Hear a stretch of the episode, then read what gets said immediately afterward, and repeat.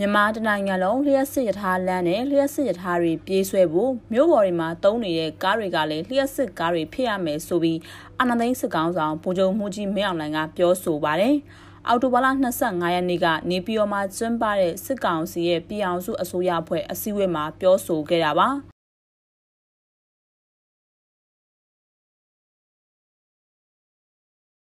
အာဏာသိမ်းစစ်ကောင်ဆောင်က public transformation ကိုကျွန်တော်တို့အားပေးဖို့လိုတယ်။အဲ့ဒီ public transportation မှာလျှက်စစ်ကိုရအောင်ပြောင်းနိုင်လို့ရှိရင်ဒီထက်ပိုအကျိုးရှိမယ်။ဒါကြောင့်ကျွန်တော်ကလျှက်စစ်ဓာတ်အားထုတ်လုပ်ဖို့အတွက်တွန်းအားပေးနေရဖြစ်တယ်။တနိုင်ငံလုံးမျိုးပတ်ရထားလမ်းဆိုမျိုးပတ်လမ်းအတိုင်းသွားမယ်။ မျိုးပေါ်တွေမှာသုံးတဲ့ကားတွေကလျှက်စစ်ကားတွေဖြစ်ရမယ်ဒီမူဝါဒကိုတွက်နေပါတယ်အချိန်လေးတစ်ခုတစ်ချက်လို့ပြီးရင်ကျွန်တော်ကြီးညာပါမယ်ဤပညာအရာတခြားနိုင်ငံတွေမှာဖြစ်နေတဲ့အခြေအနေတွေကိုကျွန်တော်တို့ကြည့်ရပါဦးမယ်ဒီဟာတွေဟာဘယ်နှစ်မှာလျှက်စစ်စနစ်ကိုပြောင်းရမယ်ဆိုပြီးကျွန်တော်တို့လုပ်ရပါမယ်လို့ပြောဆိုပါတယ်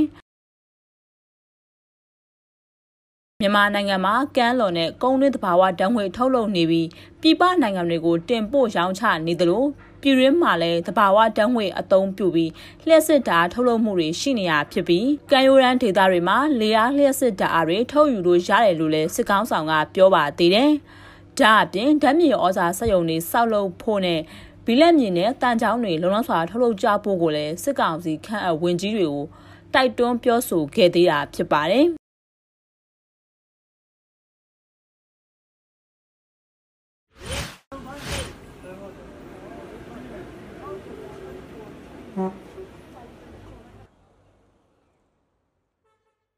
မြန်မာကျပ်ငွေမတည်ငြိမ်သေးတဲ့အခြေအနေတွေကြောင့်လက်ရှိမှာချမ်းမြေကွက်နဲ့ကားစည်းကွက်တွေကအယောင်းဝယ်ဖြစ်နေရလို့သိရပါတယ်။ဒီရက်ပိုင်းတွေမှာတိန်းတထောင်အောင်မြေကွက်နဲ့ကားတွေကအယောင်းဝယ်ပိုဖြစ်နေပြီးငွေသားနဲ့ပေးချေရတဲ့ထက်အွန်လိုင်းကနေငွေပေးချေမှုတွေကပိုပြီးအယောင်းဝယ်ဖြစ်တယ်လို့အကျိုးဆောင်တွေကဆိုပါတယ်။ လက်ရှိမှာတော့ဘဏ်တွေကပတ်စံကိုထုတ်ဖို့အခက်ခဲဖြစ်နေတဲ့သူတွေကအိမ်ချမ်းမြေနဲ့ကားတွေကိုဘဏ်ငွေစနစ်နဲ့လဲလှယ်ပြီးဝယ်တာတွေပိုများပြီးတစ်ဖက်ရောင်းသူတွေအနေနဲ့လည်းရာခိုင်နှုန်းတစ်ခုသတ်မှတ်ပေးပြီးအယောင်အဝယ်တွေပြုလုပ်တယ်လို့သိရပါတယ်။စစ်တပ်ကအာဏာသိမ်းပြီးတဲ့နောက်ပိုင်းမှာပြည်တွင်းမှာငွေကြေးစည်းကွက်မတည်ငြိမ်တဲ့အတွက်ရွှေအပါဝင်အိမ်ချမ်းမြေစည်းကွက်ကစတင်လှုပ်ခတ်လာတာဖြစ်ပြီးဘဏ်ငွေလွှဲစနစ်နဲ့အယောင်ဝယ်ဖြစ်တာတွေကလည်းပိုများနေတယ်လို့သိရပါတယ်။ ကားစည်းကွက်ထဲမှာဆိုရင်လည်း3900ဝန်းကျင်ဂျပန်ကားတွေကအယောင်ဝယ်ဖြစ်နေပြီးဒီထဲမှာရန်ကုန်တိုင်းစင်တာမကပဲနယ်လက်စင်ကားတွေကလည်းအယောင်ဝယ်ဖြစ်နေရလို့သိရပါတယ်။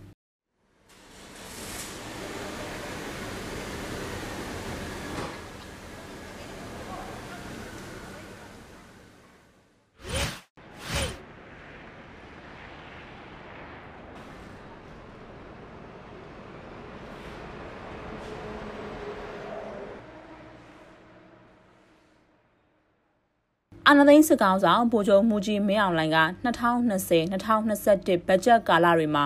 နိုင်ငံခြားပို့ကုန်သွင်းကုန်လုပ်ငန်းတွေမှာနိုင်ငံခြားငွေတွေပိုရှံမှုရှိတယ်လို့အော်တိုဘာလ25ရက်နေ့ကနေပြည်တော်မှာပြည်အောင်စုဝင်ကြီးတွေနဲ့ဆွေးနွေးတဲ့နေရာမှာပြောဆိုပါတယ်။အခုထပ်ပိုပြီးပုံငွေတွေများနိုင်အောင်ပြည်ပကနေစားသုံးစီနဲ့73စီတွေတင်သွင်းသုံးစွဲမှုကိုလျှော့ချဖို့ကိုလည်းစစ်ကောင်းဆောင်ကပြောပါသေးတယ်။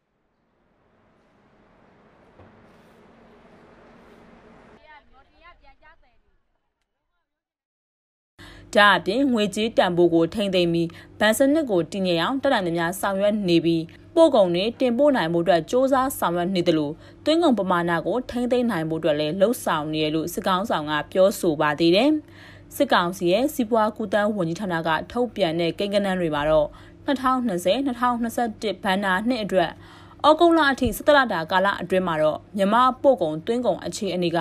ပင်လယ်ရောင်းကနေတဆင့်ကုန်သွယ်မှုကအမေရိကန်ဒေါ်လာတန်18တန်ကျော်ရရှိထားတာဖြစ်ပြီးနေဆက်ကုန်သွယ်မှုကနေအမေရိကန်ဒေါ်လာတန်ပေါင်း9000ကျော်ရရှိထားတဲ့အတွက်စုစုပေါင်းပမာဏကအမေရိကန်ဒေါ်လာတန်ပေါင်း28တန်ကျော်ရှိတာဖြစ်ပါတယ်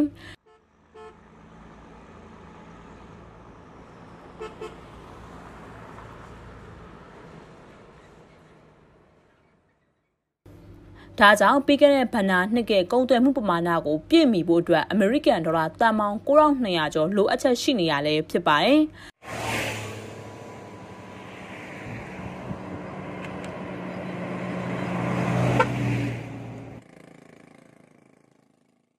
လက်ရှိဘဏ္ဍာနှစ်ရဲ့စသရတာကာလအထိမှာတော့မြမကုံသွဲမှုက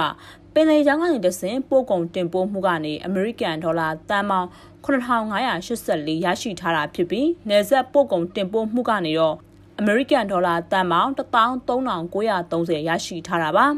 သွင်းကုန်တင်ပို့မှုမှာလည်းပင်လယ်ချောင်းကနေတဆင့်တင်သွင်းမှုကအမေရိကန်ဒေါ်လာ1494ရရှိထားတာဖြစ်ပြီးနယ်စပ်အကြောင်းကနေတင်သွင်းမှုကတော့အမေရိကန်ဒေါ်လာတန်ပေါင်း3052ရရှိထားတဲ့အတွက်စုစုပေါင်းတင်သွင်းမှုပမာဏကအမေရိကန်ဒေါ်လာတန်ပေါင်း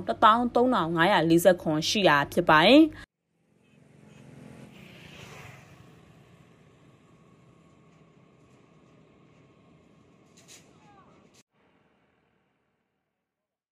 ဒါကြောင့်လက်ရှိဗနာနှစ်ရဲ့၁၇လတာကာလမှာတော့မြမကုံသွယ်မှုကပို့ကုန်ရငွေအနေနဲ့အမေရိကန်ဒေါ်လာတန်ပေါင်းက13930ရရှိထားတာဖြစ်ပြီးသွင်းကုန်အတွက်ရငွေကအမေရိကန်ဒေါ်လာတန်ပေါင်း13584ရှိတဲ့အတွက်ကုန်သွယ်မှုမှာတော့အသာစီးရငွေအနေနဲ့အမေရိကန်ဒေါ်လာတန်380ကျော်ရရှိထားတာလည်းဖြစ်ပါတယ်။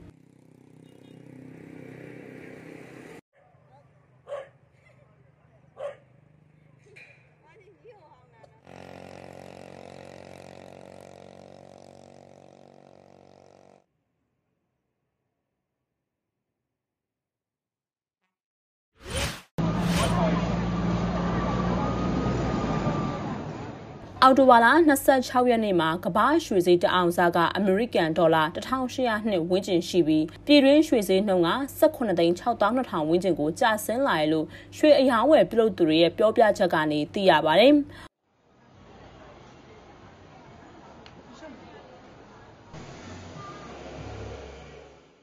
အော်တိုဘာလ26ရက်နေ့မှာပြည်တွင်းရွှေဈေးက16ပဲရဲ့ အခောက်ရွှေဈေးနှုန်းက18သိန်း6200ဝန်းကျင်ရှိနေပြီး15ပဲ့ရည်ဈေးနှုန်းကတော့တစ်ကြက်သားကို16သိန်း9800ဝန်းကျင်ရှိနေတာပါ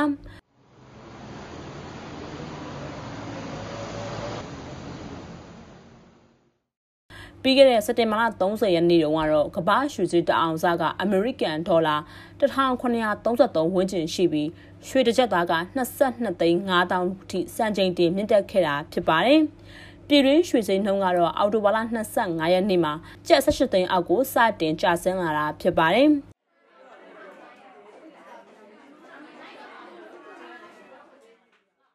ပြည်တွင်းရွှေစည်းကစစ်တပ်ကအာဏာသိမ်းပြီး2021ခုနှစ်ဖေဖော်ဝါရီလ6ရက်နေ့ကစတင်ပြီး14သိန်း2000ကနေစံချိန်တင်စတင်မြင့်တက်ခဲ့တာဖြစ်ပါတယ်။ ရန်ကုန်ရွှေစည်းကွက်အထက်ကိုတော့ရွှေဆိုင်တွေကနေရွှေပိတ်တာချိန်90ခန်းရောင်းချပေးထားတယ်လို့လည်းရန်ကုန်တိုင်းဒေသကြီးရွှေလုပ်ငန်းရှင်များအသင်းကထုတ်ပြန်ထားတာပါ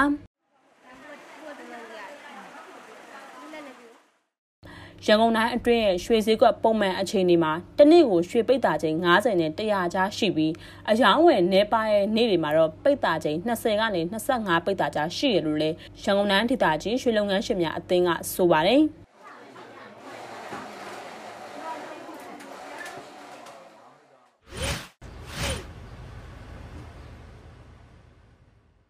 2021-2022ဘဏ္ဍာနှစ်ရဲ့15ရက်အတွင်းမှာတော့ပြည်ပကိုပဲတင်ပို့မှုအနေနဲ့ပင်လယ်ချောင်းကနေအမေရိကန်ဒေါ်လာ56တန်ကျော်နေဆက်ကနေအမေရိကန်ဒေါ်လာ2.6တန်းကျော်နဲ့စုစုပေါင်း59တန်းနီးပါးရရှိထားရလို့စစ်ကောင်စီရဲ့စီးပွားကူးတန်းဝန်ကြီးဌာနကထုတ်ပြန်ပါတယ်။ တန်တင်အတွင်းမှာနေဆက်ကနေပြပကိုပဲမျိုးစုံတင်ပို့မှုကနေအမေရိကန်ဒေါ်လာတန်ပေါင်း300နီးပါးရရှိခဲ့တာဖြစ်ပြီးပဲတီစိန်တင်ပို့မှုကနေတော့အမေရိကန်ဒေါ်လာ188တန်းကျော်နဲ့အများဆုံးဖြစ်တယ်လို့သိရပါတယ်။2019-2020ဘဏ္ဍာနှစ်မှာတော့နေဆက်ကနေပြပကိုပဲမျိုးစုံတင်ပို့တဲ့နေရာမှာမတ်ပဲတင်ပို့မှုကနေအမေရိကန်ဒေါ်လာ3.58တန်းပဲတီစိန်တင်ပို့မှုကနေအမေရိကန်ဒေါ်လာ188.6ခွန်တန်း ပဲစင်ကုန်တင်ပို့မှုကနေအမေရိကန်ဒေါ်လာ3.29တန်ကလပဲတင်ပို့မှုကနေတော့အမေရိကန်ဒေါ်လာ3.3ခွန်တန်ပဲလုံးတင်ပို့မှုကနေအမေရိကန်ဒေါ်လာ9.38တန်ထောပတ်ပဲတင်ပို့မှုကနေအမေရိကန်ဒေါ်လာ20.68တန်းနဲ့ မြေထောက်ပဲတင်ပို့မှုကတော့အမေရိကန်ဒေါ်လာ14.19တန်းနဲ့အခြားပဲတွေတင်ပို့မှုကနေတော့အမေရိကန်ဒေါ်လာတန်ပေါင်း64.55တန်းရရှိခဲ့တာပါ